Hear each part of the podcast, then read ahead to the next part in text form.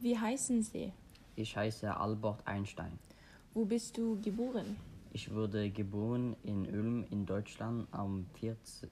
4. März 1879.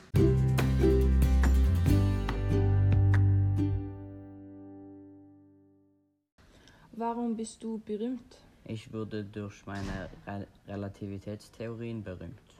Wie alt warst du, bevor du gebo- äh, gest gestorben bist? Ich war sech 76 Jahre alt. Hattest du Geschwister? Ja, ich hatte eine Schwester.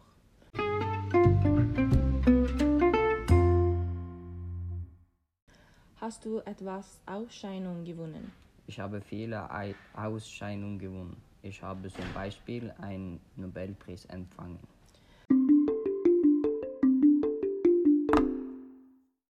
Warst du verheiratet?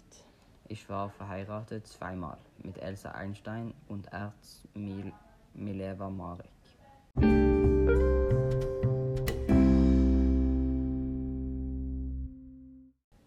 Was heißen deine Kinder? Mein Kinder heißt Edward Einstein, Hans Albert Einstein und Lisel Marek. Danke.